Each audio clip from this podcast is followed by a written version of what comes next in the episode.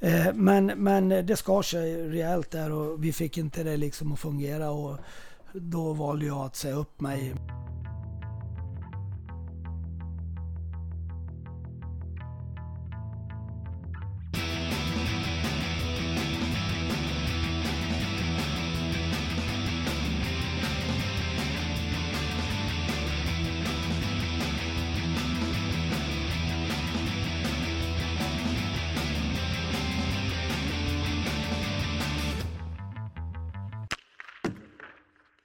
Hallå där! Hoppas att ni inte förgås där ute i det svenska, lite sådär småblöta sommarvädret och om det skulle vara så att ni faktiskt gör det så eh, hoppas jag som heter Micke Mjörnberg att eh, jag kan liva upp lite i eh, sommarstämningen med veckans intervjupodd den här gången med Fredrik Johansson, tränaren som numera tränar i den norska högsta ligan i laget Stjärnen men som har en lång och gedigen Hockeyettan-karriär bakom sig med sex säsonger i Halmstad med flera säsonger i Nyköping, i Hudiksvall och så vidare.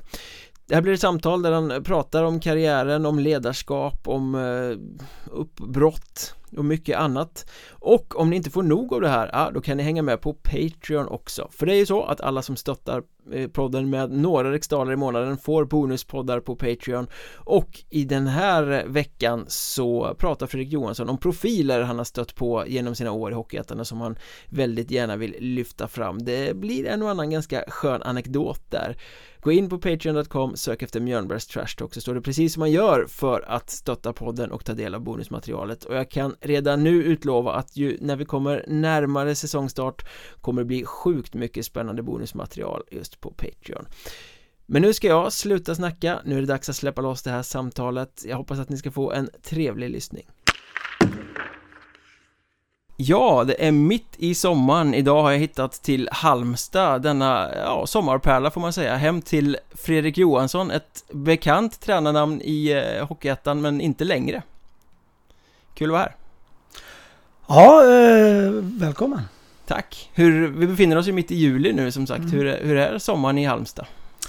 Ja, den här veckan har väl inte varit på topp om jag ska vara ärlig och säga. Men i övrigt så är det fantastiskt här. Det är en, eh, som du sa, en sommarpärla. Så att eh, här, äh, det, det, det är ett fint ställe att vara på sommaren. Men det är basen numera. Du tränar ju numera Stjärnen i norska högsta ligan. Ja, just nu så är det basen att eh, vara i Halmstad. Har varit där nu i 7-8 år då, så att eh, det, det, är basen. Är det liksom ett andningshål att komma tillbaka här på sommaren? Ja, lite så är det absolut. Eh, det går ju ett där uppe och det har det väl gjort även när jag har varit här med. Så att, men visst är det så. Ja men en sak jag har funderat på innan vi drar igång det här eh, fullt ut. Du är familjefar, många barn, det kom 78 hundar och mötte mig när jag sprang in här. Du har familj, du har varit runt i olika klubbar och eh, liksom Det känns som att du har mycket, eh, mycket liv runt omkring dig. Ändå är du en sån här person som, när man jobbar som journalist mot dig till exempel Alltid är tillgänglig. Alltid ringer upp, alltid är glad, alltid ställer upp. Hur får du tiden att liksom hänga ihop till allt det här? Jag vet inte, men, men det är lite av mitt motto liksom att, att eh, vara en sån eh, ödmjuk person men kan också brinna av. Det är inga konstigheter. Men, men framförallt att vara tillmötesgående och, och, och möta andra som jag själv vill bli bemött av också. Det handlar lite om respekten naturligtvis. Att, att göra det. Och, eh, sen, sen tycker jag att eh, jag har fått, jag har nog fått i, i stjärnan nu har jag faktiskt fått att jag är nog, har nog fått ADHD. Det säger de, de ser ut som att det är en som fyrverkeripjäs. och nu har jag börjat googla lite på det liksom så att ja, jag har många järn i elden och har alltid haft och eh, ibland så behöver faktiskt även jag lugna ner mig lite grann. Men är det så att det får dig att må bra att vara den här med mm, liksom, mycket på hemmaplan, mycket på jobbet, mycket jag tror det. Jag, jag, kan inte sitta still. Eh, jag har problem med det. Jag, jag, vill liksom, det handlar, om, det handlar om passion till allting jag gör. Och jag satt still i två, minut, två timmar igår och, och grät efter matchen när Hammarby förlorade. Det, var väl, det, var väl den, det är väl den lugna stunden jag har. Eh, men eh, i övrigt så, så, så handlar det om, jag, jag, tycker det handlar om att ha passionen. Och det, det, det är Fredrik Johansson, att, att ha en stor passion till det jag gör. Känner du någon gång att det blir för mycket? Ja, ibland gör jag det. Eh, då försöker jag landa lite grann och kanske bara försvinna lite grann och åka iväg eh, och, och ta det lugnt. Jag gillar havet väldigt, väldigt mycket så att då tar jag mig till stranden och sätter mig där i, i min ensamhet faktiskt. Du nämnde Hammarby, vi kanske måste rycka det plåstret också. Du kommer från Fagersta, du har turnerat runt på massa småorter i Sverige men tycks vara en passionerad Hammarby-supporter. Hur går det ihop? Eh, det var min äldre syster som bodde i Stockholm i tidigt skede. När jag bodde i Fagersta var jag inte gammal och fick komma till Götgatan och hon tog med mig på en fotbollsmatch. Jag fick välja klistermärke tror jag det var och då valde jag ett Hammarbymärke. Sen dess är jag det och det finns ingen i familjen som har något annat val här heller så att alla är födda till Hammarby. Det är straff om man kommer hem och säger att ja men Djurgården de har ganska fina märken, Det är inte acceptabelt. men är det, är det bara fotboll då eller hur? Nej men sen var jag ju tränare i Hammarby ett tag också och det var väl härligt på sitt sätt då. Men jag gillar ju handbollen, jag gillar bandyn och jag följer ju dem. Kanske inte boxningen och rodden då. Men, men de stora sakerna så följer jag absolut Hammarby, det gör jag. Men hur går det ihop med att vara liksom elittränare? För det får man väl ändå säga att du är? Ja det är jag eh, och har varit i många år. Jag har varit professionell i 18 år tror jag. Eh, men, men den tiden jag har eh, lite över, framförallt kan jag titta på, på TV. Men jag har också varit på Tele2. Jag hade säsongskort på Söder, gamla Söderstadion. Så att jag har nog kanske prioriterat rätt eller fel ibland. Men säg att eh, rent hypotetiskt då att AIK eller Djurgården skulle komma dragandes med en jobbförfrågan. Tja, du verkar göra ett kul jobb där i, i Norge. Skulle du vilja komma och vara assisterande hos oss eller ta över A-laget eller något? Skulle det liksom vara fungerande eller är du så pass die hard in i själen att du skulle tacka nej till ett sånt uppdrag? Nej, jag hade faktiskt en eh, bra dialog med AIK innan jag valde stjärnan. Så mm. att eh, då, då, Men du valde stjärnor? Ja, jag valde stjärnor. Eh, nej, men det var ju, då är man på professionell basis. Det är inget annat, det är mitt jobb. Då är det en helt annan sak.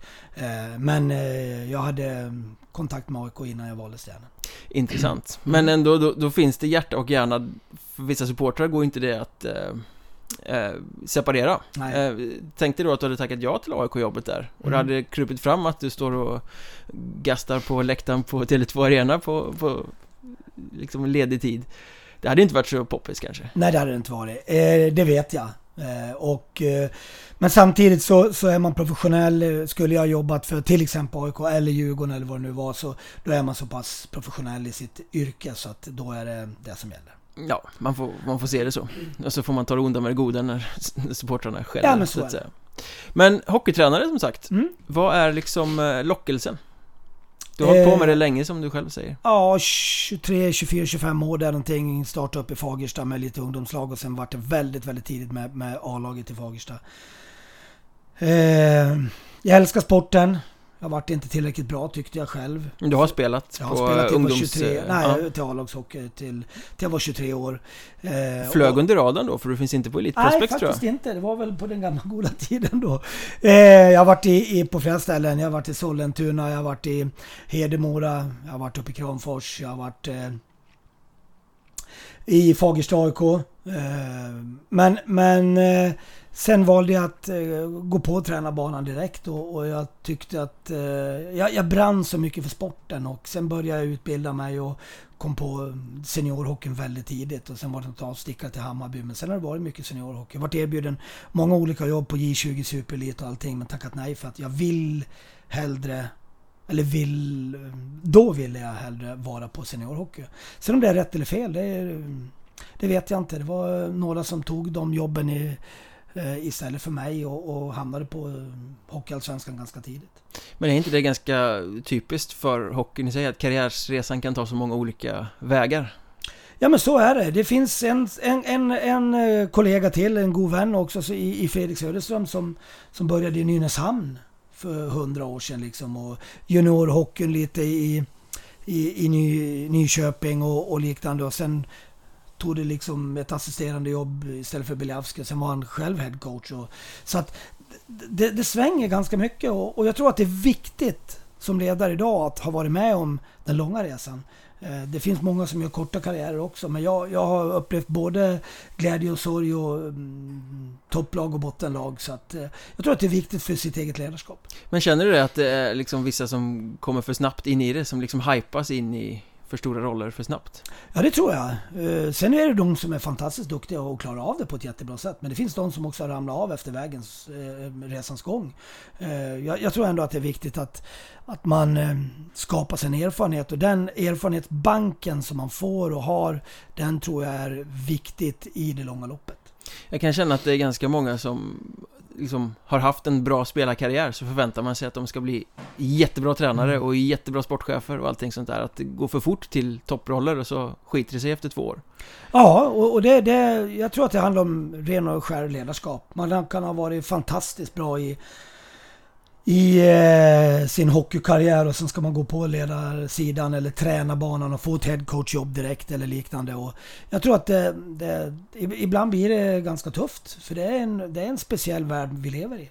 Men passionen säger du, det är det som är drivkraften här. Hade det kunnat bli något annat? Hade du kunnat bli eh, bas på ett eh, liksom, stort företag eller någonting istället för att... Ja men det tror jag. Jag gillar att leda människor. Jag gillar att leda folk. Jag gillar att leda och få lag att... Eh, alltså bygga lag har ju kanske varit min min stora del tror jag. Och det, om man pratar med mina spelare så får att, att få spela och dra åt samma håll så tror jag att det är en stor del i till att eh, ha ledare och eh, eh, förlåt, att, att ha spelare att, att leda och, och sen om det är på ett företag eller om det är på eh, idrottslag eller vad det är så, så tycker jag, jag, jag gillar det faktiskt. Jag, jag, jag, trivs med det. Och se olika, olika människor som, som, som, som eh, framförallt får dem att växa.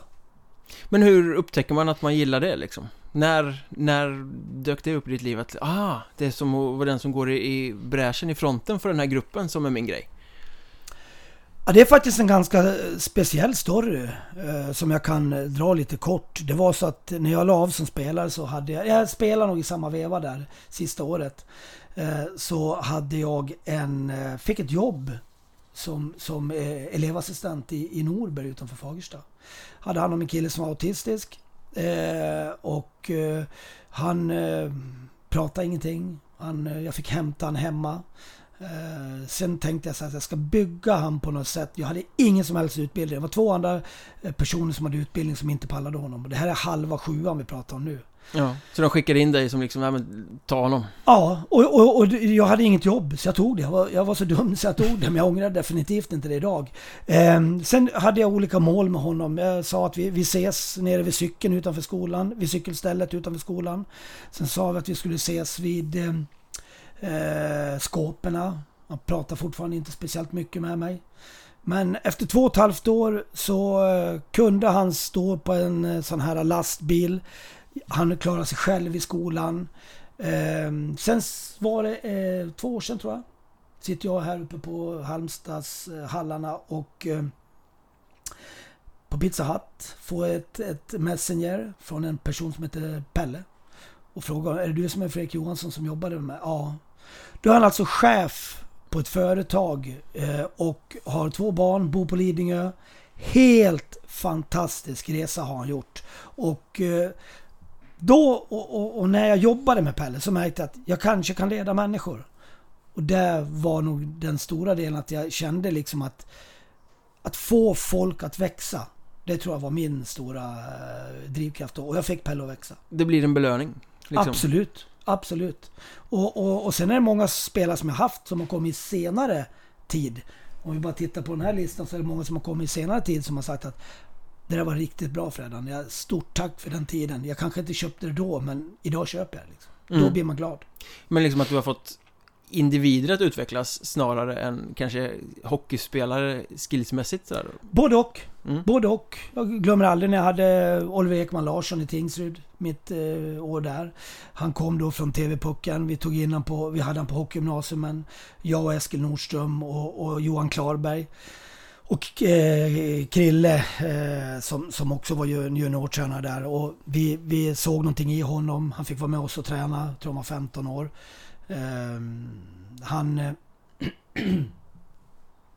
han eh, fick en plats i vårt omklädningsrum. Efter jul så var han en av våra två bästa backar. Sen hade han i stort sett alla SHL-klubbar drog igen för att ta honom. han valde Leksand då genom att eh, han skulle um, han, han, ville spela, han gått till ett SHL-lag. Leksand var då i Hockeyallsvenskan. Mm. Skulle han gå till ett SHL-lag så kanske han inte hade fått den speltiden och kanske varit med i juniorhockey för honom. Ja, det var en väldig hype kring honom i Leksand där. Ja, och han eh, och en fantastiskt fin människa. Så att den, den eh, resan var jag faktiskt med på med, med Klarberg och Eskil Nordström och, och Krille.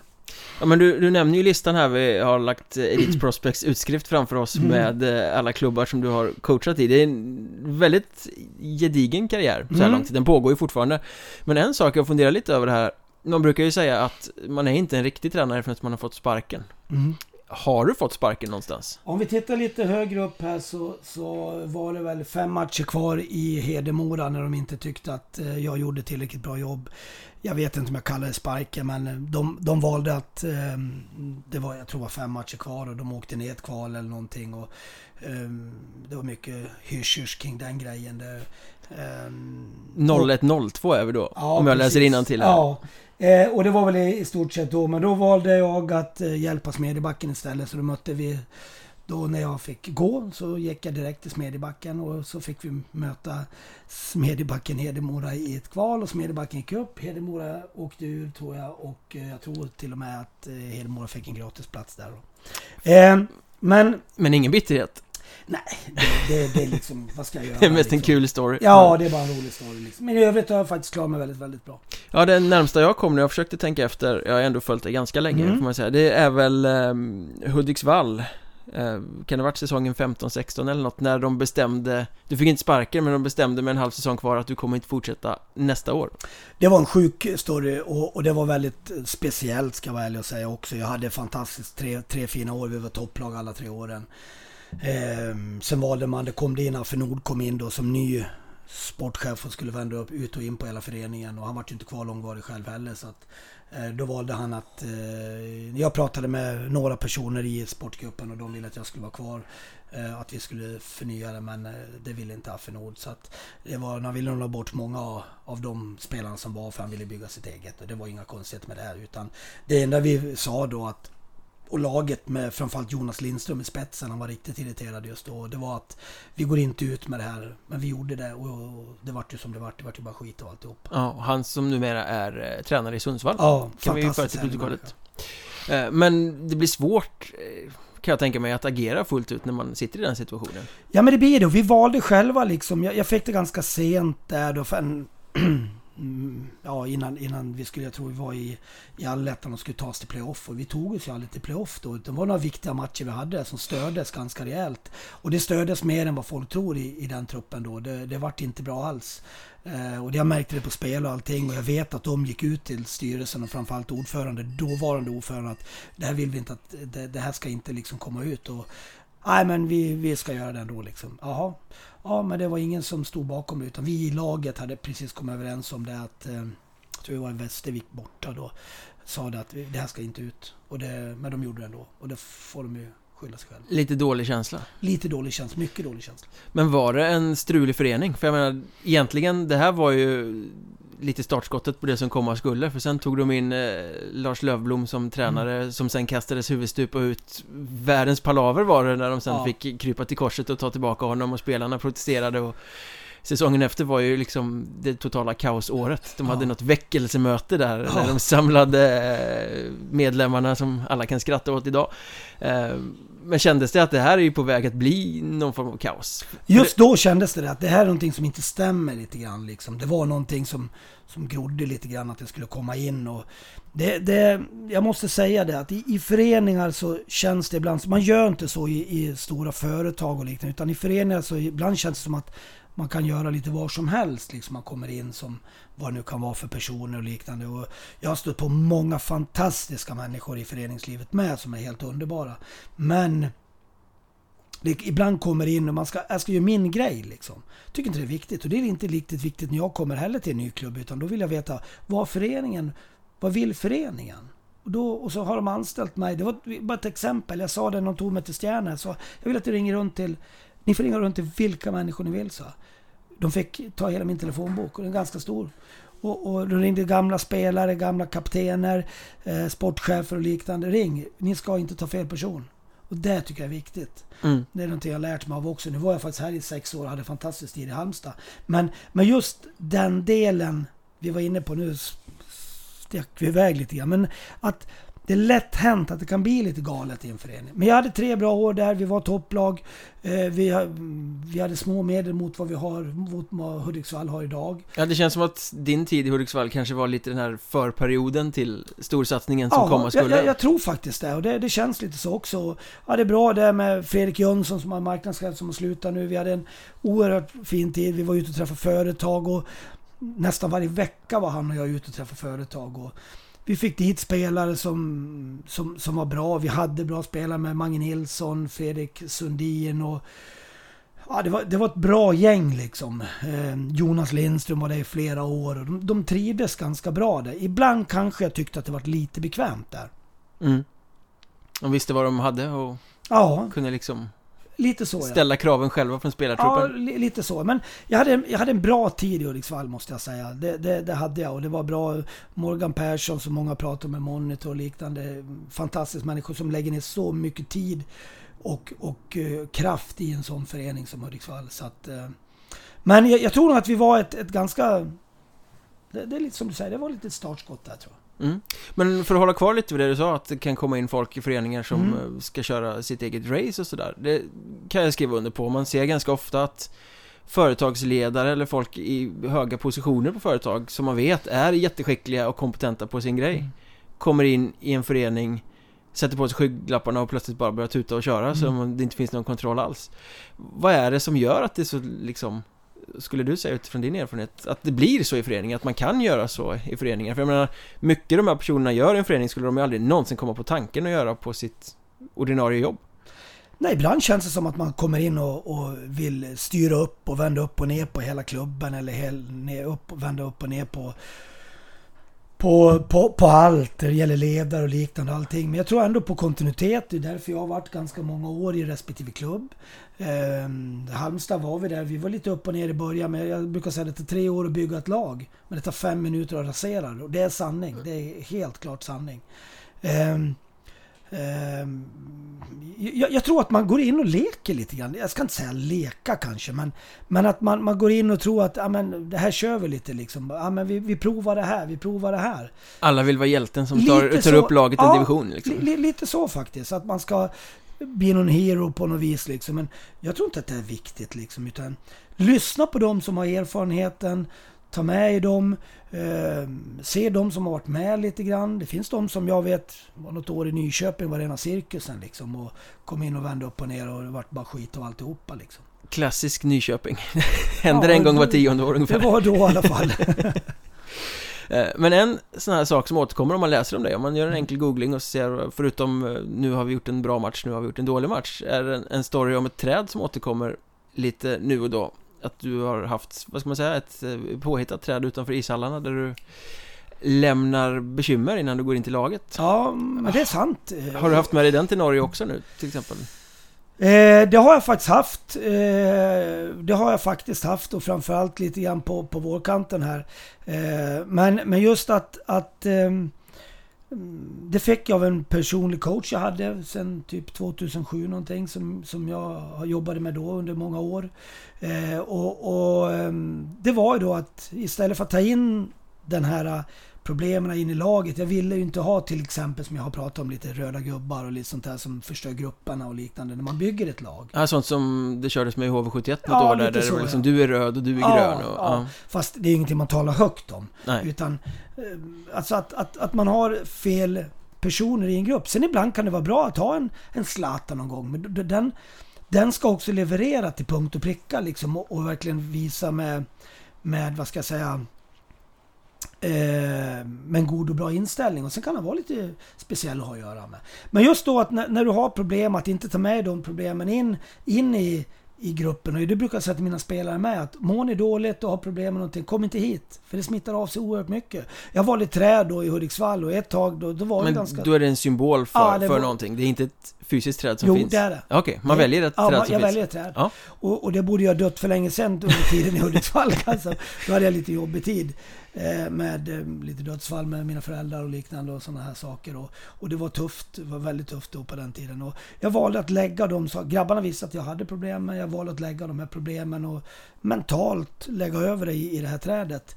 För att eh, gå in och vara den, den här Freddan som du kanske känner igen med en glad, positiv och en härlig passion. Och sen kunde jag sitta i bilen och gråta kanske någon gång, och, och, eller efter träningarna. Då kunde jag sitta. Men jag valde att aldrig kliva in i omklädningsrummet med en dålig attityd. Men är det så lätt att man liksom bara lägger det i, i trädet och sen går in? Jag menar vissa ja, personer kan, kan ju ha svårt att skaka av sig ja, saker. Ja, men, men jag, jag, gjorde det. Jag valde det. Annars hade jag inte åkt ner till träningen. Nej. Då hade jag suttit hemma och lagt mig på soffan och, och varit helt bedrövad. Men jag valde att göra mitt jobb och det jag uppväxt med att göra från mina föräldrar. Att du ska göra ditt jobb. Eh, jag vet... När min morsa kunde ringa en, en, lördag när hon levde och kunde ringa till mig. Hej det är Siv, vad gör du? Jag är ledig då? Är du ledig? Ja men mamma det är lördag idag, kan man vara ledig någon dag? Ja, jo men det kanske du kan vara liksom. Och det var att alltid arbeta liksom. Ja. Och, och, det vet jag att de tyckte om när, när båda gick bort i den vevan liksom. Att, att eh, Gräv inte ner dig, fortsätt inte jobba. Ner, utan fortsätt jobba för det vet jag att hon ville. Men är det någonting du delar med dig av också? Säger till liksom spelare att välja träd Absolut. eller så? Absolut. Du, vi kan ringa en som heter Mikko Mattila Mamba som spelade i Nyköping med oss. Jag vet inte om du kommer ihåg honom? Vagt bekant med namnet. Ja, det var många år sedan nu när jag och, jag tror det var jag och Fredrik Söderström som hade han då. Och, och um, där var det verkligen liksom, han, han, uh, han gillade faktiskt det. Och det kan man, uh, jag skulle kunna ringa till honom idag och lova att han kan prata om det här trädet. För vi gjorde då, för det var ju då när vi, jag och Fredrik byggde lag tre gånger under en säsong. Ja. När det var lite krassligt med stålar. Ehm, och då vet jag att vi fick liksom, vi valde att nu, nu har vi det här laget vi har och vi gick ändå till playoff. Men vi, vi lämnar alla problem utanför. När vi kommer hit så ska vi vara glada. Och det var då vi började bygga med det här lilla trädet som vi hade. Och det var nog mycket skit i det trädet också Men du hade med dig trädet till Halmstad och så också sen? Ja, det, I, det har liksom, Du väljer ett nytt på varje ja, ställe det, sådär. Det. Eh, men för att kunna göra det så måste man ju vara lite öppen med att kunna prata känslor och, mm. och, sånt där också. Hur upplever du det inom hockeyn i största allmänhet nu när Aj. du har varit igenom så många klubbar så många år? Alltså, jag brukar säga det till spelare. Jag har faktiskt haft sådana spelare idag i, i, i uh, Stjärnan. Som jag väldigt, jag ser på dem. Jag brukar kunna läsa av en människa på tre sekunder brukar jag säga. Men det går ganska fort att läsa av en människa. Och jag har haft några spelare som jag har jobbat ganska hårt med uppe i, i Stjärnan. Och, och de är oerhört tacksamma när det är en coach som lyssnar på dem på riktigt. Det är inte bara att du ska åka rätt och fel i bågar eller hit och dit och upp och ner och skjuta där och försvarsspel, anfallsspel. Det finns också människa bakom dem. Och jag brukar säga det, får en människa att må bra, då kommer han prestera. Och det gäller på alla arbetsplatser. Eh, spelar ingen roll. Och, och, jag tror att det är oerhört viktigt att du, att du, du, du ser personen och spelaren det, det, går inte bara att se en spelare som ska göra det här. Du, du, har ingen aning vad han har för problem. Och det, det, är oerhört viktigt att vi tar med oss som, som ledare att du, du liksom också kan, eh, vad ska jag säga, förstå det på dem. Du, du, har ingen aning vad han kommer med för problem. Nej, och du kan ju inte tvinga någon att prata heller. Utan då gäller det att vara tillgänglig ja. och få dem att våga ja. öppna sig då. Och jag brukar alltid säga att våran dörr är alltid öppen. Framförallt i Halmstad hade vi alltid våran dörr öppen. Alla skulle heja när de kom och det gjorde de. Det var några som var lite trötta när de kom förbi. Men de hejade i alla fall och, och det tycker jag är viktigt. Och då kan man också se lite hur de mår. Fanns en som var gladast av dem alla, det var Robin Dasa. Han kom alltid in och smög in vid dörrkarmen Kina, Kina, sa han. Och det, det tycker jag är, eh, det är, en, det är också en spelare med passion. Men just eh, oerhört viktigt att kunna se spelaren bakom masken kan vi säga. Bakom gallret eller hjälmen eller visiret. Mm. Men det är ju intressant att du säger det så också för att jag tror att den eh, gemene bilden av dig runt om i, i Hockeyettan eller Hockeysverige i största allmänhet är en glädjespridare. Mm. En, en glad person som kommer och sprider energi eh, omkring sig. Ja, det är nog möjligt. Eh, det, det, tror jag också. Att jag jobbar mycket med passion. Jag jobbar också med med att få lag att eh, växa och jag kan bara, vi kanske kommer in på det längre fram, men med just tiden i i eh, allettan-finalen och den serien så hade vi tre man som fick sätta sig på läktaren varje match. Och det var bra spelare som vi skickade upp på läktaren. Och vi hade en roadtrip på fem, tre matcher och vi var borta i fem dagar. Eh, och då... Jag tror det var en spelare som spelade en och en halv period och få han att må bra, åtminstone prata med honom och eh, inte störa övriga gruppen. Det är viktigt. Mm. En, en rutten eh, tomat kan Ja, eh, kan förstöra förstöra. allt. Och det var Mm. ingen som gjorde det. Det var därför vi gick så långt. Vi hade sån fantastiskt lagbygge där med, med de kollegorna jag hade då som, som eh, eh, Micke Arnud, Tony, eh, vad heter det, Tony Lindström, Niklas Söderström allihopa vi som var med då på den tiden och materialarna. Eh, det var en sån fantastisk grupp vi hade. Men varje match så satte vi upp tre man. Vi var nästan aldrig skador heller. Nej. Vi satte upp tre man på läktaren inför varje match. Inte bara i finalen, utan de andra matcherna med. De tog vi alltid in och pratade med eh, dagen innan match. Och vad, varför vi inte tog dem. Och det tror jag också är viktigt. För idag ska alla ha feedback och idag är det nästan lite för mycket feedback. De ska nästan ha feedback på liksom vad de ska ha för frisyrgelé och grejer också. Ja, ja, det, kommunikation är Ja. ju A och O, men det kan gå till överdrift Men också eh, det kanske. kan gå lite till överdrift. Men eh, pratade med Alexander Sten här faktiskt häromdagen. Eh, och vi diskuterade just det ämnet också i NHL och är ganska lika där också fast, fast de är på hög nivå och tjänar väldigt stora pengar. De yngre spelarna. Men det där är ju också intressant för att jag kan ju tycka att så fort en spelare eller en tränare eller någon får lämna en klubb utan att det är helt ömsesidigt så heter det ju alltid att nej men jag fick aldrig någon förklaring till det här. Jag fick ingen bra förklaring till det här. Trots att alla tycker att man har haft jättebra kommunikation Mm. liksom. Eh, Är det så att man väljer att inte lyssna på förklaringen då eller hur kan det Både bli och. så? Ja men det, det, det är sant. Och det, jag vet många gånger, vi, både jag och många andra kollegor som har, vet jag har pratat med spelarna.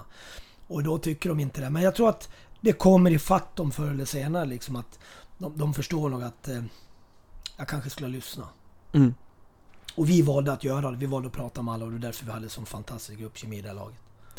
Vi återkommer till Halmstad om en, Mm. en liten, liten stund. Men eh, för att hålla kvar vid det här ämnet, glädjespridar Mm. eh, personen, om vi säger så. Kan du känna ibland att den kanske ställer sig i vägen för att du får så väldigt mycket fokus och cred för den, att folk kanske underskattar din hockeykompetens eller din coachförmåga? Ja, ja, jag vet. Jag kanske inte har tänkt på det så mycket men det, det, är, nog, det är nog möjligt att det har varit så. Men eh, det, det, det får väl jag bara bevisa. Nu är jag högsta ligan i Norge och det lär man ju vara hyfsat smart i alla fall för att vara förhoppningsvis. Och jag har ändå lyckats. Annars är du bra på att bluffa dig fram. Ja, precis. Eh, det försöker jag att inte göra, men eh, det jag tycker är att vi... vi eh, jag, jag tror att... Eh, vad ska jag säga?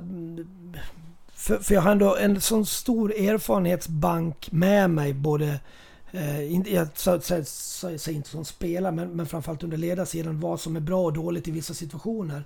Så att eh, jag, jag tycker inte det, utan de här lagen som jag har gjort så, så kan man inte bara skratta sig till framgång. Utan eh, titta då senaste åren i Nyköping, det är tre år som vi var topplag. Mm. Eh, Förlåt, i, i Halmstad. Ja. Tre år var topplag. Jag var topplag i, i, i eh, Nyköping var vi topplag. Hudiksvall tre år topplag. Så att det är klart som tusan att det finns hockeykunnande. Men skulle du vilja bli mer omtalad som den där eh, mastermindet som kan eh, sätta upp ett så klockrent spel att ingen annan... eh, Jag, jag, jag, jag, jag säger att... Jag vet inte om det är det viktiga för mig. Det viktiga för mig är att jag får ett lag att må bra, ett lag att prestera. Och så vet nog spelarna om vad, vad som är bra och dåligt. Mm. Eh, Så att det är ingen fara. Det är inte någonting att jag är sömnlös över det utan eh, jag vet vad jag gör och, jag vet vad jag eh, har för tankar och idéer och vad, vad jag vill spela för typ av ishockey. Jag vet att jag pratade med dig någon gång i... Ja, det var innan Halmstad fick sitt lyft där. Jag tror ni hade varit i negativt kval. Det kan ha varit eh, året innan finalåret kanske. Eller något sånt där. Och du pratade så stort om att du var så nöjd med laget fast att man såg att det är ju nästan samma lag som förra året. Mm. Och vi, vi ska hit och det kändes som att nej, nej, nu sitter han och har en naiv övertro på det här liksom. Han kan ju inte tro på det han säger själv här. Eh, Men om man tittar på det i eh, backspegeln så känns det mer som att det ja men liksom mynnar ut i någon form av envishet att du har bestämt dig för att det här ska vara bra och då valde att tro på det. Har du en så djup envishet i botten på Ja, ja saker? det har jag. Och sjukt, sjukt tro på det jag gör. Och jag blir väldigt besviken på folk som... Jag vet, vi kan gå tillbaka till, till Halmstad där när vi var i ett negativt kval och folk började, ja nu är vi nere i tvåan, nu är vi i tvåan.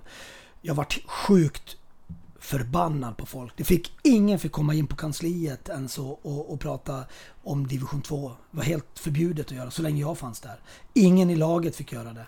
Eh, vi kom till ett negativt kval. Vi hade inget speciellt bra lag. Eh, Vi hade tufft, vi hade tufft. Eh, skador och sjukdomar och liknande. Men kom hem, prata här hemma om division 2. Ska nu, vad är det här för lag liksom? Det var helt förbjudet. Det var bara att tro på det. Jag har gjort en stor grej som, som jag är oerhört stolt över också. Det var nog, jag tror jag har gjort det två gånger. En gång var det i, när vi var negativt kval. Och sen var det när vi tog oss till allettan tror jag det var. Mm, Borås borta, inför Borås borta tror jag. Vi hade ju aldrig gått till allettan här med, med Nej. Halmstad. Ja, men det var ju finalåret Ja, det var eh, det också. finalåret. Mm. Men just då så, så var det så att jag, jag fick ett tips av eh, en coach i NHL att skicka sms, kanske du har hört talas om. Nej. Nej, skicka sms till, till några spelare. Och jag valde att göra det och jag satt här faktiskt hemma en kväll innan matchen. Eh, klockan var tio. Jag började skicka fem sms till viktiga spelare i laget. Jag tänkte det kan inte hålla där liksom. Det håller inte att skicka bara för de kommer snacka med varandra. Mm. Så jag valde att eh, börja ta i stort sett hela truppen. Jag skickade personliga sms. Eh, jag skickade personliga sms till eh, busschauffören, mina kollegor. Eh, jag skickade till Sippen som filmar. Vad skriver man till han? Jag skickade till någon, våran läkare, sjuksyrra. Jag skickade till allihopa. Det tog mig en och en halv timme ungefär. Och då var det personliga sms. Det var inte copy-paste utan... Absolut inte. Det var helt enkelt. Vem är du? Micke Mjörnberg, du gör det här bra, fantastiskt bra med dina bloggar och bla bla bla. Eller Gagic, fortsätt med din eh, spelstil och gör det där. Och sen skickade jag då till allihopa och tänkte jag ska... Och, och det vet jag fick oerhört bra positivt av, av flera spelare som skickade tillbaka vad de var liksom påslagna. Och vi klarade det. Gjorde likadant till i Borås. Innan Borås. Eh, då skickade jag igen, men då ökade jag det lite på. Då skickade jag till styrelsen också. Och då sa det att till med Anette Perna till exempel, jag tror jag skrev någonting att om vi klarar det här nu så kommer vi gå till allettan. Det kommer bli lite dyrare men vi kommer få mer publik. Du kommer få mer pengar att räkna att vara ekonomiansvarig. Ja. Någonting så. Och du gör ett fantastiskt jobb. Bara positivitet till allihopa. Så det, det tog mig en och en halv timme var värt varenda textmeddelande. Men hur många gånger kan man göra en sån grej då? Inte för många jag, jag förstår liksom att är boosten av att det aldrig händer som gör att alla lyfter sig. Ja, eh, det, det går inte att göra det varje gång liksom. Eh, men jag gjorde det då i viktiga skeden och det, det, det lärde jag mig. Och, eh, Eh, jag, skulle kanske ha gjort det när vi åkte ut mot Sparta i år. Men då hade vi andra orsaker som vi åkte ut mot eh, i, i slutspelet. Men, men eh, när jag känner att det känns rätt, då gör jag det. Men det är inte någonting jag gör varje år eller flera gånger per säsong eller liknande. Men, men det har skett. Mm. I Halmstad var jag sju, sex år då, så att två gånger gjorde jag det. Då, Ja. Så att, eh, ångrar inte en sekund. Men det tar en och en halv timme, då är vi tillbaka i det här igen att du verkligen har ett fullt liv och ändå tar av din tid för att eh, Ja, då tror jag göra de hade gått saker. och lagt sig här. Så det var ingen jag var satt själv. Det är bara du som inte behöver sova. Nej, men då, då är också att, att jag, jag kanske lever lite för mycket 24-7 med min hockey och har gjort det i många, många år och, och kanske inte alltid varit den bästa pappan. Tar du igen det på äldre dagar då? Ja, det hoppas jag. Men vi, vi kan gå in i, i karriären här. Mm. Du hade Smedjebacken och du var i Hedemora och så här, men men på något sätt känns det väl som att du kommer på radarn på riktigt när du kommer till Nyköping. Mm. Eh, säsongen eh, 05-06. Ja, det stämmer. Jag kom dit som J20-tränare då. De tog dit mig där och flyttade dit då. Och eh, det tog kanske en halv säsong. Sen, sen var jag ehm, eh, med i A-laget direkt där och sen vart jag med Lenny och jag då, som jobbade som assisterande tränare. Det var fantastiska tre år där måste jag säga. Det var riktigt kul och playoff och vi hade Trent Hunter och det var ju eh, lockoutsäsongen där och mycket folk på läktaren. Mötte Leksand, mötte Brynäs borta och eh, Malmö och Oskarshamn tror jag det var. Eh, det var kvalserier och playoff. Det äh, var, det var riktigt kul där. Och där började jag. Då valde jag att vara där. Jag hade tre år. Och sen, sen var det inget konstigt med det. Och sen förnyar man inte. Man vill ju en annan... Lenny försvann där och jag försvann lite grann. Och sen tog man dit Biljavski där och kom med Söderström dit. Då hade han varit på juniorsidan. Mm. Fredrik så fick han kliva upp. Men, men just då, men då hade jag lite faktiskt en hel del att välja på efter de tre åren. Men eh, säsongen 08-09 tror jag det är. Mm. Eh, I Nyköping, det kan vara ditt sista år där kanske. Ja, näst sist. Eller näst sista. Ja, där står ju Om man tittar på Elite Prospects då, Mm. vilket ju är facit för oss som inte var med i båset på den Mm. tiden Står både du och Fredrik Söderström som headcoach Ja men vi gör det. Och jag tror att det var väl lite så att vi, vi skulle dela på sportchefsjobbet och, och sportchefsjobbet och tränarjobbet liksom. Och vi, ja, vi hade ett fantastiskt roligt år. Men det var då vi fick bygga laget tre år. Jag, jag kom hem från Tingsryd då, det var Fredrik som ringde och så kom hem nu så kör vi Allsvenskan ihop. Eh, och kommer hem och det var ju då vi, vi eh, åkte ur av ekonomiska skäl där. Och Ja, vi hade faktiskt spelare på besök. Jag kommer inte ihåg exakt vem det var, men han var på besök då. Vi satt på kansliet. Ehm, han var från Huddinge. William någonting, jag kommer inte ihåg vem det var. Men han var från Huddinge, skulle komma ner till oss.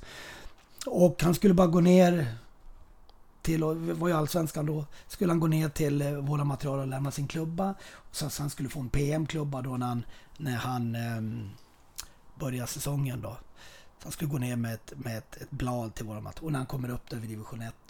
Ja. Han går ner i Allsvenskan för då hade vi precis fått komma in till våran ordförande Roger For, eh, Göran Forsberg och sagt Fredrik och Fredrik. Ja vad är det? Du nu är vi i division 1 sa han. Som ingenting har hänt. Vi var ju helt knäckta. elitlicensen borta. liksom. Jajamensan. Ja. Så det var ju cirkus då. Så det röker den liksom grejen då. Så att, och han skrev inte på något mer. Och jag vet att vi hade i faxen då en bra spelare från AIK. Som vi skulle bara faxa kontraktet. Det var ju inte aktuellt det ja, Vi hade ett fantastiskt bra lag då men, men eh, det sket sig. Så fick vi bygga ett nytt lag.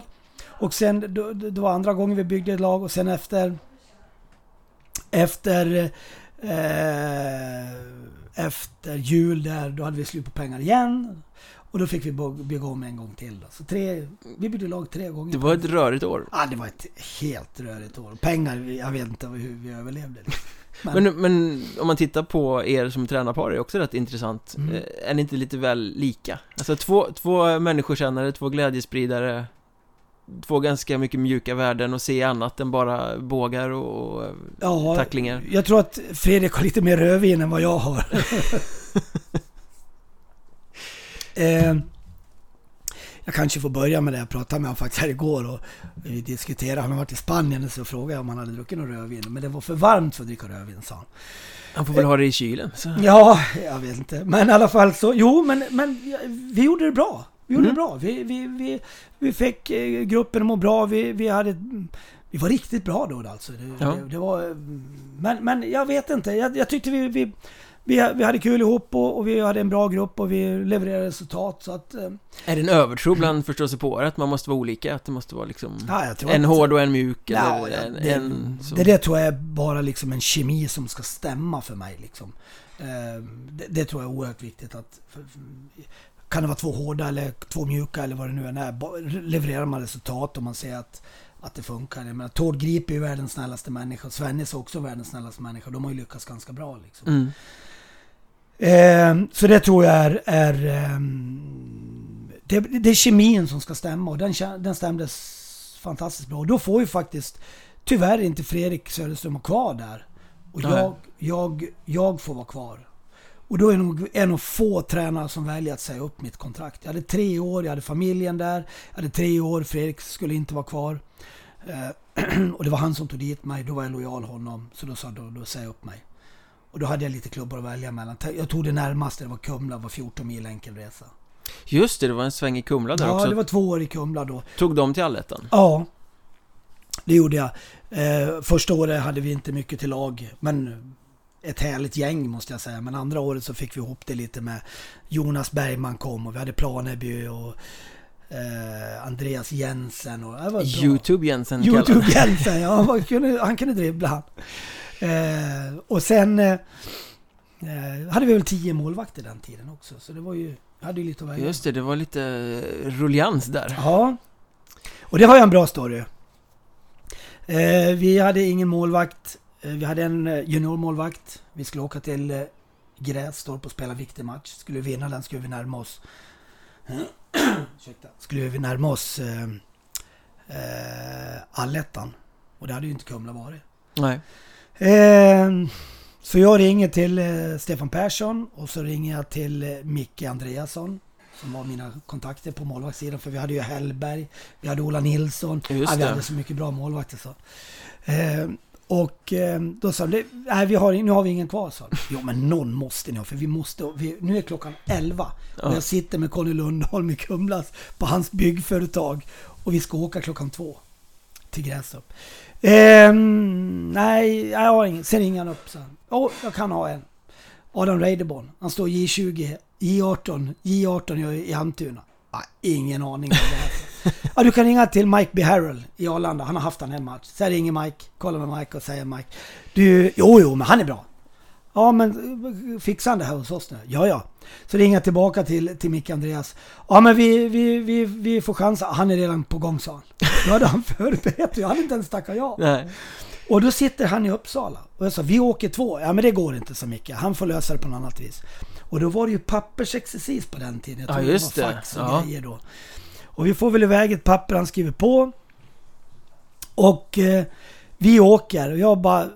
Hur, vad ska vi möta upp på någonstans? Liksom? Vad ska vi träffa? Ja, det går inte någon järnväg till Grästorp direkt. Nej, det gör ju inte det. Det gör ju inte det. Den här killen sätter sig på pendeln med utrustningen. Uppsala, Stockholm. Tåg, Stockholm, Skövde. Eh, lokaltrafiken på buss. Eh, eh, eh, eh vänta nu. Eh, Skövde, Lidköping. Mm. Halv fem står vi i Lidköping och tar emot honom. Då kommer en ung kille, lite finnig hy, med full med målvaktsmundering. Ja, det här är så skönt. Eh, och jag kastar åt honom en matlåda och skojar med Du får hålla nollan då. Jag hade ju ingen aning vem du var. Nej. Han sätter sig med grabbarna och börjar snacka liksom. Sen kommer vi till Grästorp, han går ut, uppvärmningen, tar inte en puck. och då hör jag grabbarna när jag står i en omklädningsrum och de bara ah, vad, vad fan har Freddan tagit för klipp nu? För jag hade ju haft några. Och jag vet flera av dem sa det, bara, vad är detta liksom? Han tar ju inte en puck så. Sen tror jag, om jag inte minns helt fel, matchen började. Tog, vad hette han? Kalle Svensson va? Karl-Johan Svensson. Och hans radarpar, Jonas Lönn. Lönn va? Jag tror att de kom en 2-0 i första bytet. Helt fria. Och han räddade. Vi vinner med 4-0, han håller nolla. Det var starten där liksom. Det var starten. Sen var han med oss några matcher. Vi hade Skåre borta tror jag var. Eh, han tog oss till allettan. Och idag är han mångmiljonär från Ryssland liksom. Ja. Och jag träffade honom här i jag kommer inte ihåg när det var, det var på någon arena och, och vi liksom kramade om varandra liksom bara, är det helt sjukt? Kommer du ihåg gummet? Ah, den var helt galen. Fan. Men det är sån mångskinshistoria och det han tar oss alltså till, till eh, eh till allettan. Ja. Eh, han tog tåget hem igen dagen efter. Det var inga problem. Det var inte att han skulle köras eller taxi eller limousin eller någonting. Han var den hårda skolan och det är jag oerhört jag är glad för hans skull att han har fått tag i den här resan nu som han har gjort. Idag är han i Schweiz va, tror jag. Ja, så kan det nog vara. Mm. Och så eh, tittar man på Elite Prospects här i efterhand och säger jaha, en match i Kumla. Det var ju intressant. Ja, det var fler. Tror, ja, det blev fler. Ja, det, ja. jag tror det var tre stycken någonting. Men han, han hjälpte. Ja det, ja, det är helt galet. Men vi hade så kul åt det här liksom. Men Kumla det är ju liksom en avkrok på något sätt. Ja. Eh, och, och tittar man på hela karriären så, ja men hockeymått Hockeyettan-mått sådär, sådär. Men du är i Tingsryd, du är i Nyköping, du är i Kumla, Hudiksvall, sex säsonger mm. i, i Halmstad. Vad skulle du liksom säga? Var var den bästa eh, tiden? Var, var hade du mest underskattat bäst lag? Första året i Kumla kanske inte var så många som räknade med oss. Andra året tycker jag vi fick ihop det. Vi tränade oerhört hårt då kommer jag ihåg. Både fys och is. Jättebra. Och med Planeby och grabbarna de här ställde upp i ur och skur jämt. Och de jobbade, tjänade inte en spänn liksom. De mm. hade 500 kronor liksom i reseersättning från Örebro eller någonting. Eh, det var kul. Nyköpingstiden i olika eror var också fantastiskt roligt med eh, Playoff 3 till, eh, när vi mötte Kallinge där när Klyft var, var tränare. Ja just det, han tog upp dem från ja, division 2 och det var världens hype. Vi hade ett bra lag då också. Um, I... Eh, vad, vad, har vi sen? Hudiksvall. Det var faktiskt tre bra år där. Det var det. Och vi, som du sa innan, här, vi byggde någonting på sikt där lite grann och det vart bara bättre och bättre. Eh, sen, sen tycker jag åren i Halmstad har varit fantastiskt intressanta med, med eh, oerhört mycket upp och nedgång. Men vi har varit ganska tålmodiga, både jag och Niklas som var sportchef. Eh, och, och så, så jobbar vi tålamodigt och det var inga stora löner där heller, alla jobbar. Men när vi, jag säger det, efter tre år, det tar tre år att bygga ett lag. Men det tar fem minuter att rasera. Det, det stämmer ju inne på, på Halmstads. Vi hade tre år, tuffa år. Sen såg vi att det är någonting på gång här och det här kommer bli bra. Mm. Och då, det började med att vi tog in Sebastian Åkesson, tror jag det var. Där ja, just det. Han och Perna hade ja, bra samspel en ja, säsong. Ja, fantastiskt. Och några växte under resans gång. Och, ja, det vart... Det vart det vart riktigt bra. Och, och sen, säger jag det igen, det är gruppen. titta när alla lag vinner guld eller de går vidare eller någonting. Så, och de frågar en spelare, vad säger spelaren? Säger, ja men vi har en sån härlig grupp. Mm. Det är så viktigt att ta den här gruppen och då kan man bestiga berg också. Så det hade vi. Det är väl Sen- framförallt ofta det man ser lag som åker ur också Att de inte hade gruppen Ja, för då är det någonting som är Alla offrar sig inte för varandra Nej, utan det Nej, blir och någonting några som... spelare är klara för andra klubbar och liknande. De tar inte det här äh, skottet eller de tar inte det blockade eller skjuter det skottet utan det ger lite fel signal. Idag är ju tyvärr både fotbollen och hockeyn på det här viset. Fan, de kan ju byta klubb direkt liksom. Det är ju... Fast ligger det inte någonting i den klyschan att man spelar inte längre för klubben Men man spelar för sina lagkamrater Lite så. Så är det. Men jag tror att det är viktigt att... Jag hade en jättebra diskussion med Fredrikstad Fotbolls... Han kom hem till mig här för några veckor sedan. Eh, Fredrikstads eh, fotbollscoach som är från Färöarna. mm. Vi satt och pratade här i, i flera timmar. Eh, och, och då diskuterade vi just lite det du säger med klubben och alltihopa. Och jag tror att det är viktigt att det som han sa, i NASA går en dam och städar. Hon går och städar där. Och då var det någon som kom och frågade den här städerskan på NASA. Eh, vad, vad, vad gör du här? "Ja, Jag skickar upp folk, folk till månen. Mm. Då har hon förstått galoppen. Hon är inte där för att hon ska göra rent och städa för att det är lortigt. Hon är med på resan att skicka folk till, till, eh, till, upp, Ja, upp med rym, till rymden. Varje uppgift betyder någonting Ja, och det är viktigt att det kommer ända från högsta instans, ordförande, eh, styrelsen, ner till klubbchefen, ner till spelarna och, och ledarna och till materialen. Så att vi pratar samma språk hela resan. Då blir det jätteviktigt. Och det tror jag liksom som en trestegsraket. Liksom, att högst upp, mellan och så ner till de nere på golvet. Så att du har samma värderingar. Så de inte gnäller. Varför åker vi inte buss till Troja för? Mm. Till Ljungby?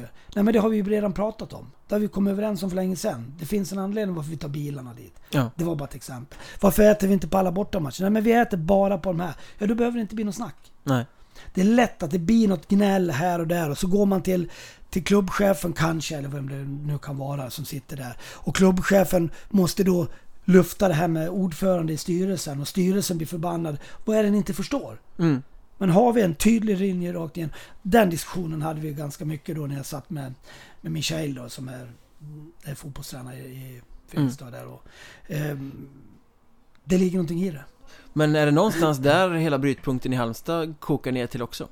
För avslutet efter sex säsonger blev ju turbulent kan man säga Ja, det vart det. Det vart riktigt turbulent tycker jag. Helt i onödan. Ja, Det- det vad, vart- vad, vad var det som hände egentligen? Om man...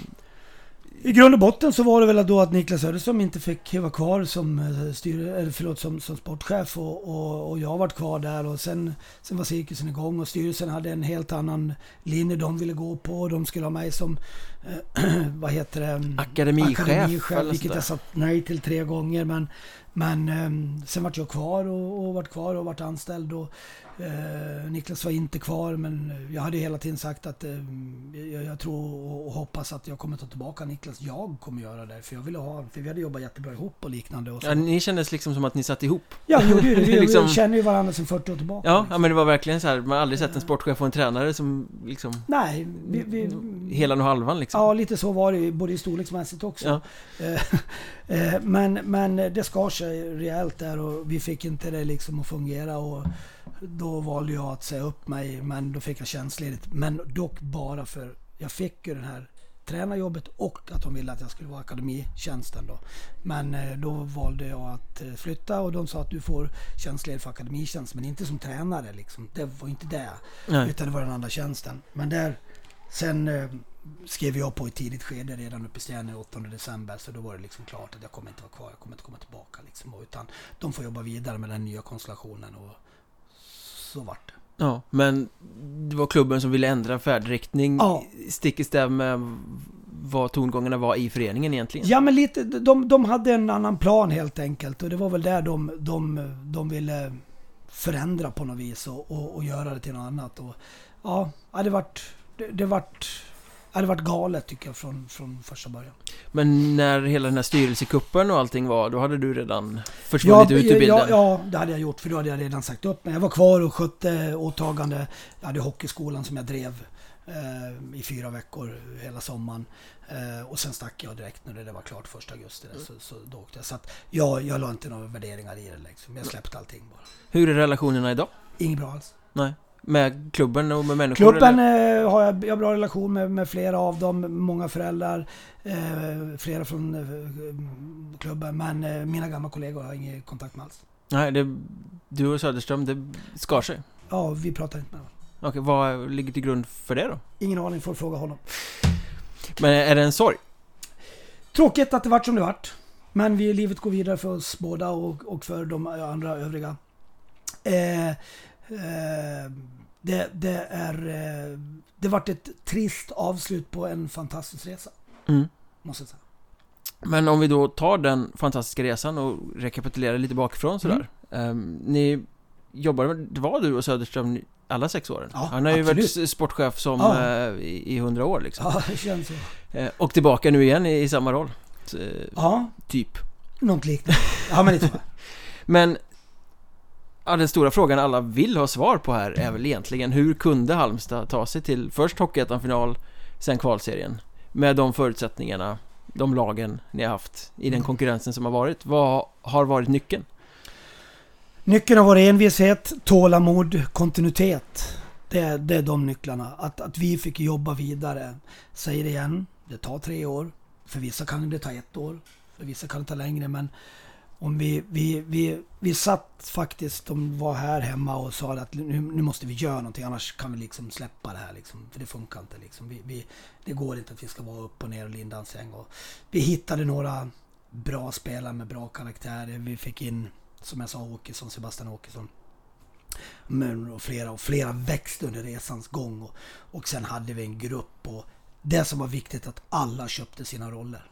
Det var powerplay femmor, det var boxplay femmor. Eh, vi, vi hade ett spel som vi lutade, vi hade ett bra försvarsspel. Eh, vi hade ett eh, fantasifullt anfallsspel. Sen måste jag ju också säga att vi, vi fick ju folk med oss under resan. Det vart bra tryck i stan här. Det vart eh, mycket folk på läktaren. Och alla älskar att komma till träningarna ska jag säga det. Och vi hade, jag måste också berömma Micke Arnud som, som hade powerplay och boxplay som var envis med det. Vi, vi var inte alltid överens men han var så jävla envis och ville köra sitt race där. Och, ehm, Och då kunde du som också är envis backa tillbaka på det? Ja, vi, vi, det var liksom ingen prestige. Det fanns ingen prestige alls. Utan vi, vi liksom, vi ska göra det här för att vi ska vinna tillsammans. Och den styrkan hade vi. Eh, jag vet när vi var på, på flera jag, jag tror att det var när vi var Kallinge borta. Om vi vände den matchen tror jag. Vi låg under med 4-2, vände till 7-5 eller någonting. Och de sitter på bussen grabbarna. Det är då vi leder allettan. Mm. Det är då vi leder. Ja, det är- Sju omgångar. Finalåret vi Ja, då? Ja. då leder vi allettan. Och då... Och sen... Eh, sen eh, sitter de i bussen, hörde jag Gaggers och grabbar. Vad fan har hänt? Vad håller vi på med? Då började de, de hade liksom inte fattat tiden. Liksom. Och, och de bara körde på. Jag vet när vi var Borås borta där när vi ledde med 3-1 va? 3-1. 3-2 kom från ingenstans. 3 3-3 kom som ett brev på posten. Och så gör ju Robin Holm 4-3. Eh, bara två minuter kvar. Och då det ju, alltså jag tror, jag tror till och med Gagic, han var så nervös, han stod och grät i båset. Han var helt panikartad. Men då hade vi liksom, hade vi ju helt, helt... Eh, ja, det var sån skön grupp och det var en av de bättre grupperna jag har liksom jobbat med. Plus att vi tränade väldigt hårt. Mm. Det var inget snack liksom. Fast det gör ju många så Ja, liksom... men, men då tränar vi väl rätt då. Mm. Men vi var, vi var förberedda på den här resan. Vi var det. Vi var, vi var förberedda. Vi hade en bra grupp. Vi var förberedda på det här. Vi, vi, vi hade ett spel som vi lutade oss mot. Powerplay, boxplay. Eh, Vi hade ett, en offensivlusta som fanns. Med bra kreativa spelare. Sen hade vi en, en, en, en, eh, ett bra försvarsspel. Men eh, sen det här som jag kommer till igen då, det är att alla köpte sina roller. Liksom. Mm. Alla köpte sina roller. Sen, eh, sen var det ju lite oturligt hemmaplan där när, när han lyfte buren, målvakten. där. Linus Ryttar, Ja, ett klassiskt Hockeyettan-ögonblick. Ja, det är det verkligen alltså. Det går inte att gråta över det hur länge som helst. Men det var ju tråkigt då i alla fall och sen vinner vi. Åkte vi upp till Fagersta av någon anledning, kommer inte ihåg varför. Men vi åkte upp dit och, och bodde där. Lite teambuilding Ja, men lite nästan. så ja. Och sen var det för att vi- då har vi bara en och en halv timme istället för att åka hela vägen upp. Så hade vi, vi hade möjlighet att göra det. Så hade vi en och en halv timme bara från Fagersta till Stockholm. Och kom dit och så vinner vi där. Sen är det tråkigt på kvällen där vi får inte ta, vi var lite oförberedda med maten och det har jag lärt mig tusen gånger kanske. Att vi, vi kom sent till säng från hotellet, vi fick sen mat och liknande så vi var inte riktigt fräscha. Vi var inte riktigt fräscha tycker jag dagen efter. Vi fick någon sjukdom också på resans gång. Där. Så ni bommade Hockeyettan-finalen på dålig mathållning helt enkelt? Ja, för sen, sen i säng. Lite, ja. ja jag tycker att det, det tycker jag vi kan... Det, det, det har vi lärt oss någonting av. För det var ju en ganska jämn finalserie ja, men det då. Det, ja. Men vi, vi var inte riktigt på tå sista matchen. Vi var trötta och slitna där tycker jag också. Så att, ja. Då kanske det var den här klassiska att Väsby i slutändan ändå fick fördel av hemmaplansfördelen där. Kunde åka till sina egna sängar och, ja, ja, det tror jag. käka sin egen mat. Det och... tror jag. Det finns någonting som ligger i det. Men vi kunde ha varit bättre. Men hela den säsongen är ju Ja men man får ju säga att det är en liten åshöjden historia med tanke på att ni har varit i negativt kval innan. Ni har aldrig varit i allettan sen konkursen där i alla fall. Ni tar er dit Vinner allettan också framför en mängd olika storheter. Eh, liksom Det säger att ni kunde inte tro det själva men när, när började ni liksom även i allettan och allt det här förstå att Ja men fan vi är ju lika bra som alla de här lagen som topphypas? Jag tror att det var när vi eh ja, när vi startade allettan kändes det som att det här... Vi, vi trodde stenhårt på det här. Vi trodde...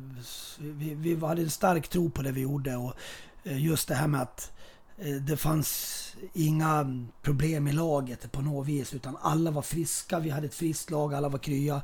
Men där i början tyckte jag liksom det kändes. Men just när vi kommer till Kallinge där efter halva omgången tror jag det är i allettan där.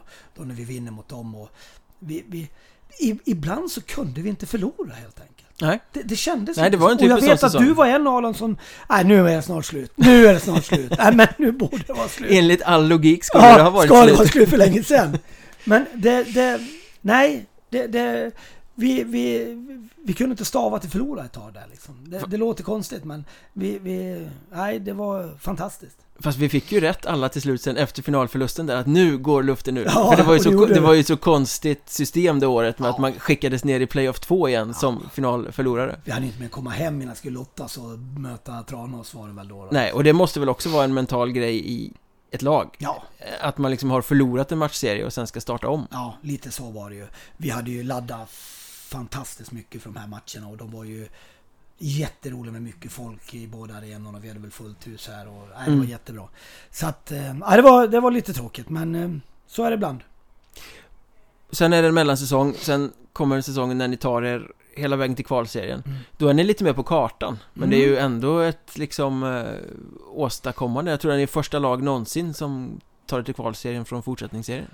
Ja, det var ju, jag tror att det var lite gny här nere då liksom. Vi gick inte så långt och alltihopa men vi, vi fick en start som eh, vi, vi, vi, kände att vi var så pass starka i den här fortsättningsserien. Vi kände att vi var starka och vi hade ett bra lag och vi fick ihop det på ett bra sätt och eh, alla komponenter liksom bara flöt ihop och, och sen Sen, sen börjar vi ju där då och, eh, och jag tycker att vi vinner den kom, komfortabelt den serien faktiskt.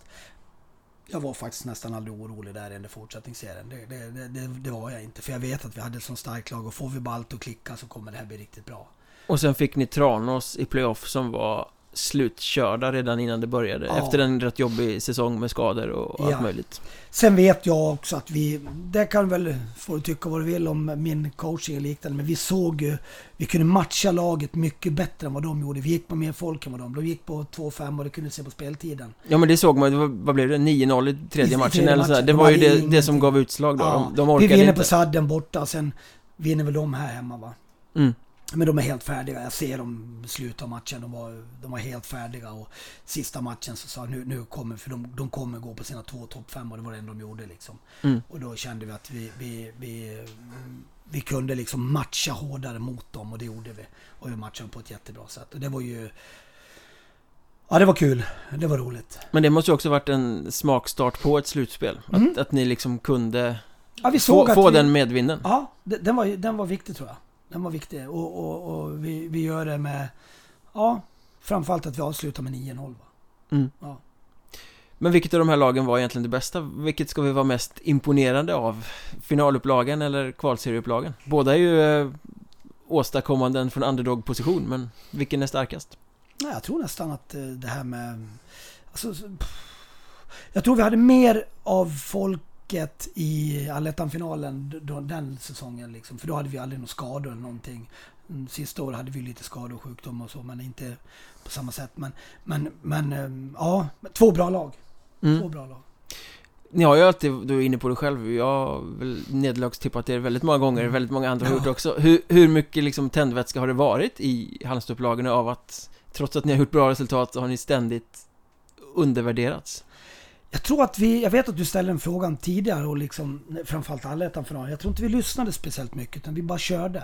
Vi körde och grabbarna liksom, det var inget snack i omklädningsrummet att ah, fan det är ingen som tror på sig. Jag tror det är mer tidigt på säsongen att man inte är så Mm. tippar. Men sen ser vi att vi är ju bra. Ja. Och då måste vi ju tro på det. Då kan vi inte gå och titta på vad alla andra säger för då börjar vi tro på dem istället. så det viktiga för mig är att vi tror på det vi gör. ja. Och det gjorde vi. Men, men har du någon sån liksom förbud mot att läsa vad folk skriver och sånt i dina lag? Nej, nej. Det, det, det, de får, de, jag vet att vi stoppade uh, allettan-finalen. Då, då stoppade all sociala medier. Då sa vi lägg ner allting nu. För nu, framförallt när vi vann på bortaplan. Men då låg väl hela laget och läste hur bra vi var efter, efter eh, 1-1 matchen uppe i Väsby. där. Nej men då sa jag att nu, nu är de här slutet av den här tiden nu. Lägger vi ner allting med sociala medier och alltihopa. Det, det tror jag vi sa då. Eh, men i övrigt så, så så tycker jag inte det. Utan det är lite vad, du kan ju nästan aldrig stoppa dem. Sitter ju hemma på sin kammare eller sitter i en travers på Stena eller var de nu jobbar någonstans. De läser ju överallt. De vet ju allting. Martin Perna tror han är expert till exempel på Elitprospekt. Han vet alla förändringar som händer där. Han kommer alltid, har du sett den här? Har du sett den här? Han går dit. Ja, lite så ja. Men jag menar vissa har ju, man vet lag som har liksom blivit bottentippade i någon tabell, skriver ut eh, tipset, sätter upp det på väggen i, i omklädningsrummet för att liksom titta på det som tändvätska. Man kan inte använda det så. Nej, jag, jag vet inte om det var någonting de gjorde. Jag kommer inte ihåg riktigt sagt. Men det var inget speciellt liksom. Det var väl... Eh, nej, det var, det var nog... Det var nog eh, nej, någon gång tror jag det hände om någonting som någon satt upp liksom. Eh, det, det vet jag jag. Jag kommer ihåg ett annat lag när jag var i Nyköping. Vi mötte Mm. kvalserien, playoff mot Västerås. Då åkte de ner och vann vi, vi förlorade borta tror jag det var i, i kvalserien till elitserien om det var playoff eller Då gick de ut i VLT då och sa att eh, jag trodde att de skulle vara mycket, mycket tuffare. Eh, vad heter det? Nyköping. Nyköping. Och eh, så vet jag att vi hade dem på hemmaplan. Och vet att Trent Hunter körde över om det var, hette han Ekström eller någonting. De fick skrapa ihop. Sen skickade vi ut en liten pojke med den där, med den där eh, vad heter det, urklippet. Ja. Och gav grabbarna på bussen. För en grabb fick gå ut efter den matchen för då fick då spöade över dem fullständigt. Ja. Så fick de gå ut med det. Fick en liten pojke gå ut med, kan du gå ut till bussen och lämna den här lappen bara? Så då, då fick de se att vi var inte så eh, mjuka ändå. Då. Nej, man får passa sig lite vad man säger. Ja men så är det ju. Du Fa- får ju ta konsekvenserna om det händer. Ja, fast du gillar ändå att prata lite. Ja, det alltså, tycker alltså du är ju en av, ja, inte få ska jag väl inte säga, men en tränare som ändå sprider lite eh, citat omkring dig. Ja men det gör jag ju. Och det var ju, det var ju konstnären va? Ja, just det. Vad blev det? Det var med Ja, men det var ju- eh, Brithén och, och Ja, det var ju Pelle Gustafsson och Karlavagnen. Men det var ju då när du... Nej, det var ju någon lokaltidning här. Någon sa, nej, det var du va?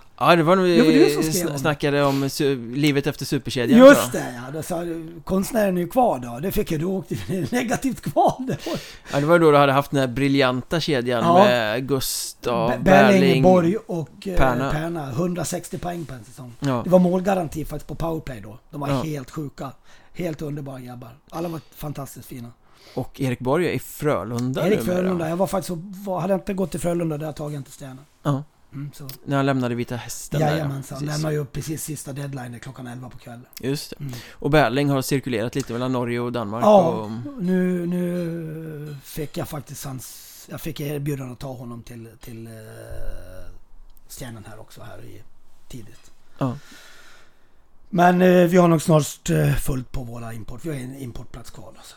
Och Perna är tillbaka i Vimmerby. Vimmerby Så att, eh, Mm. ja, det blev lite olika vägar Ja, på dem liksom, så här. Men har du fått äta upp det någon gång när du har varit ute och liksom pratat för mycket? Eller vad man ska säga. Ja, men jag tror att det var... Det var väl en gång bara... Nej, alltså inte så mycket tror jag. Ehm, ah, det är väl någon gång, men det är lite skämtsid. Men jag hörde lite grann när vi stod och tjafsade lite mot Mariestad på hemmaplan här. Eh, då, då eh, vart ju lite tjafs, jag och någon spelare eller någon ledare och så kom Pelle, eh, vad heter han? Appelgren där och, Ja. och så, men han känner ju jag så det är ju fina killar allihopa. Då hörde jag någon kasta ur sig någon, någon av spelarna. Vad fan, håll käften på du har ju aldrig vunnit någonting sa. Nej men jag vann i alla fall över Mariestad match två och tre. Så Ja. det var väl helt okej då. Eh, men eh, annars har det varit ganska okej tycker jag. Ja, ni Eh, slog väl ut dem i, i playoffet där ja. Så att, eh, jag vet inte om man fick något fel kanske. Men eh, annars har det varit ganska lugnt tycker jag. jag, jag eh, det är klart att det, det är väl kul att man kan uttrycka lite känslor ibland. Fast det där är ju lite intressant för Mariestad vet man ju att där blir det ju tjafsigt Eller har Mm. blivit historiskt i alla fall för de är heta Men det är ganska många spelare också som säger att liksom När de ska lista lag, ja men där blir det, där blir det känsligt, där blir det tjafsigt Halmstad kommer ju också ofta Ofta med då Ja, men jag tror att det är för att vi har Gag- Gagic. Ja, han bär den Han eh, bär den eh, auran då. Eh, men det, jag tycker det är liksom en, en... eh, Ja men det har varit lite... Det kan bli lite grinigt faktiskt. Hudiksvall kan de inte säga någonting för det vart aldrig grinigt. Nyköping hade vi några när vi hade Elias Bjur och sådana där som, som när vi hade på den tiden. Men Halmstad har vi ju haft några ibland som har varit lite oslipade och så. Men jag gillar ju att ha sådana spelare med. Jag tycker om dem. Jag älskar ju- att ha mitt lag. Ska ju vara lite tempo Ja, och så men jag var oerhört besviken på vår förlustserie mot, mot eh, Sparta här uppe i Stjärnen. Vi var alldeles för mjuka, vilket jag sa. Vi kom aldrig in i playoff-modet. I och för sig fick vi hela våran tredje, eh, tre, trio toppspelare skadade inför slutspelet. Och, eh, de var de som ledde poängligan i hela norska ligan som jag hade. De var skadade allihopa. Men vi var alldeles för dåliga i playoff-mode. Det var inga känslor eller någonting. Och då mötte vi ändå Sparta som är en mil ifrån. Det är som jag skulle möta Tylösand här liksom. En derby liksom Det är jättederby. Det är ju, det är ju liksom ett riktigt... Och där, de, de klarar inte av varandra. Nej. Men vi hade alldeles för dåligt playoff mot tycker jag. Men du nämnde ändå Gagic här eh, En viktig del av Halmstads stomme Ja men det tycker Eh, jag. Hur viktig har den stommen varit för den här framgångsresan? Den har varit hade? bra. Melker Iversen. Robin Dase kommer in som en oerhört ledande spelare. Jag gillar han skarpt. En av mina bästa kaptener. Eh, definitivt. Och han stod upp för laget all, eh, hela tiden.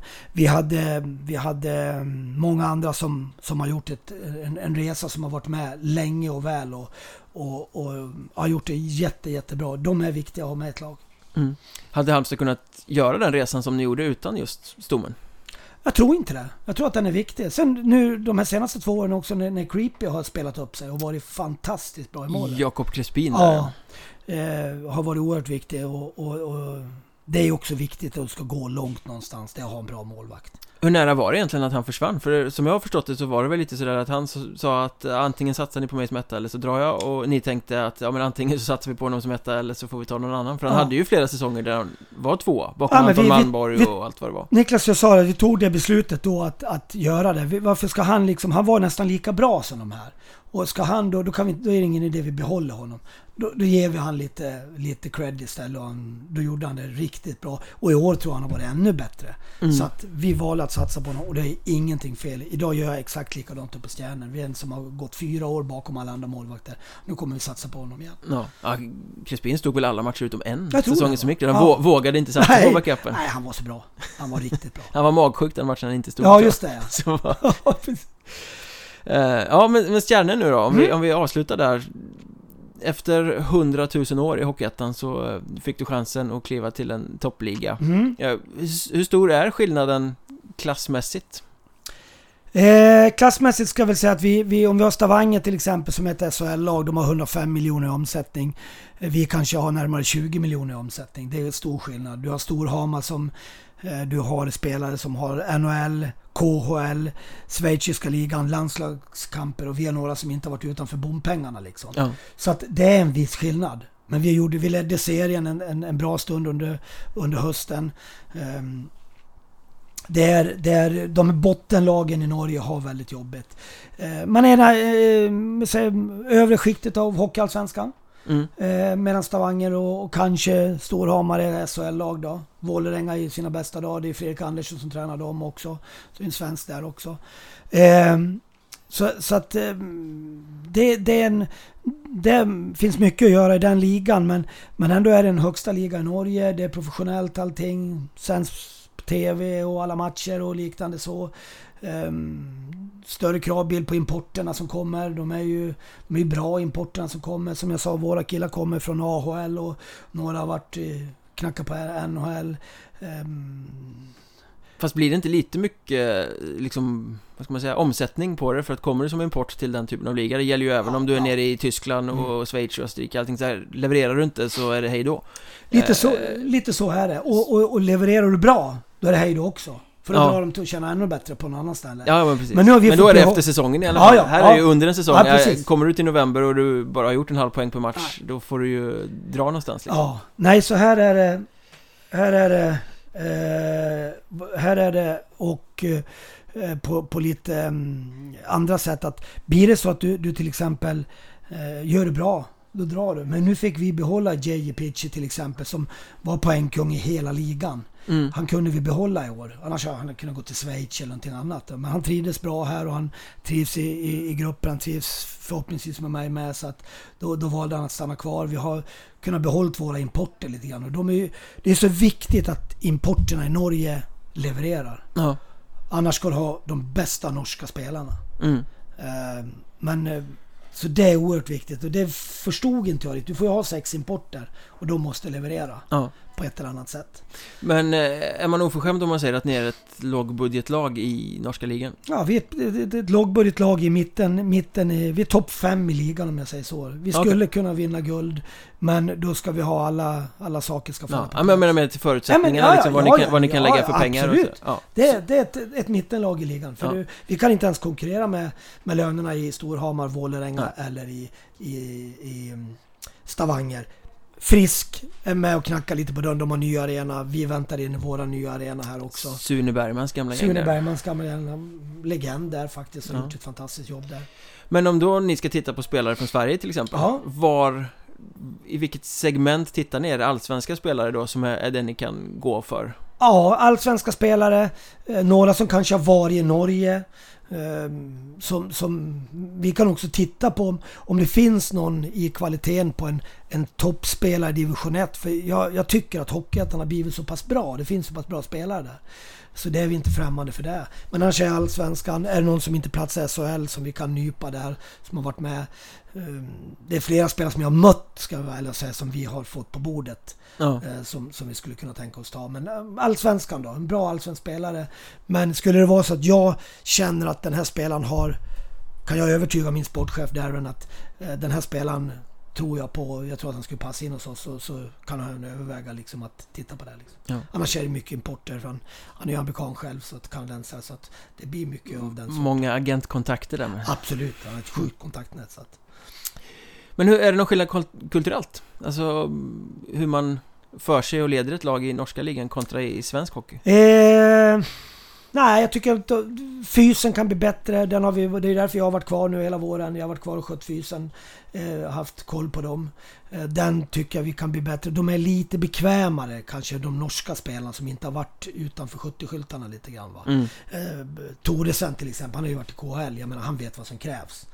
Eh, men, men många andra så tror jag att det är viktigt att de förstår vikten. Ta, ta Halmstad till exempel. Vi tränade då sista året eh, fem dagar i veckan. Alla var på plats. Ingen hade kontrakt på sommaren. Mm. Alltså på sommaren då. Eh, fem på kvällarna, de jobbade. Det var ingen som gnällde liksom. De flesta lagen, titta Nybro, alla Hudiksvall och alla de här topplagen som är i... Jag kan nämna flera, med flera liksom. Dalen, de, de tränar liksom bra. Mm. Och de kör fem dagar i veckan fast de har inte betalt. Hos oss är vi alla, i stort sett alla heltidsanställda. Vi tränar elva på dagen och, och på förmiddagarna. Så att där kan vi få en bättre kultur lite grann. Det finns lite saker vi kan göra. Men sen har jag några svenska spelare som har varit i, i Filip Gunnarsson till exempel, varit i Vålerenga tio år, som är hos oss nu, som är svensk, som, som jag får, en av mina assisterande, som, som jag får bra hjälp och drivkraft av och han vet ju vad som krävs. En kravställare som ja, kommer in? Ja, mm. verkligen. Men är det ett långsiktigt projekt det här också? Jag menar, du var sex år i Halmstad, ser du, ser du dig själv som eh, sex år i Norge? Ja, det roliga var att när jag var på första Förra året vid den här tiden i juni månad så var jag på en sponsorträff. Och då, då eh, var det en gubbe som reste sig upp och sa du överlever du julen? sa Fiskjärnen är de väldigt kända för att sparka tränare. Uh. Ja, det hoppas jag att jag gör, sa jag. Eh, och jag överlevde julen och det är ju stort i stjärnan att jag får vara kvar ett år till. Och skrev faktiskt redan 8 december så vill de ha kvar mig. Ja. De ville titta på flerårskontrakt. Eh, vi får se. Eh, vi, vi sa att vi tar ett år i taget lite för att jag skulle trivas och på den sidan. Jag trivs jättebra i föreningen. Oerhört fina människor som jag har att jobba med. Eh, jag trivs med, med laget, jag trivs med kollegorna. Eh, I staden. Det är inte så långt till Halmstad heller, tre och en halv timme. Ja. Eh, jag kan tänka mig att stanna kvar och se bara... Allt kommer byggas väldigt mycket nu så att vi får ett klartecken att de spar den i, i, med nya arenan. Då kommer det bli en ny jättefin arena. ja, men det är samma problematik som så många hockeyklubbar Ja, eh, ja. lever med. De Att de tackat- står, de har- står och stampar tills Ja, det där kommer De till har skott. sagt ja nu då och, och allt finns klart. Det är liksom bara sätta spaden i och det är det man väntar på här. För då kommer det Sen bli... sprang räntorna iväg och byggbranschen hamnade i så, ja, kris. och det blir bara dyrare och dyrare. eh, nej, men sen är det väl någonting annat som jag inte har fattat än och det är matkulturen som jag tycker är jobbigt. Och det är att vi äter ju bara mackor på lunch liksom. Ja, just det. Det har jag jobbigt med. När vi ska ta lunch på jobbet på kontoret. Och lunch heter middag. Ja, det också. Så att då har de mackor med majonnäs och jag har ju tyvärr börjat med det. Men jag har faktiskt ändå gått ner 6 kilo så att jag är nöjd. Jag är nöjd att jag har klarat det med bara majonnäs. Så det är ganska bra. Ja, får se vad som händer på sommarsemestern Ja, då. precis. Man brukar rulla tillbaka till Ja, jobbet ja, efter ja. sommaren. Nej då, så att jag, jag, jag trivs bra. Jag, jag trivs bra där och det är ehm, ja, bra människor att jobba med. Ja. Ser du dig själv som en toppligatränare nu?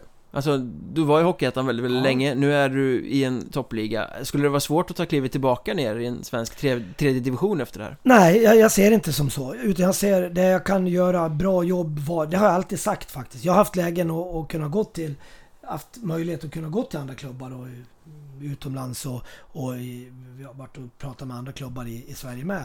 Men jag, jag ser så här att jag har varit ganska lojal på gott och ont.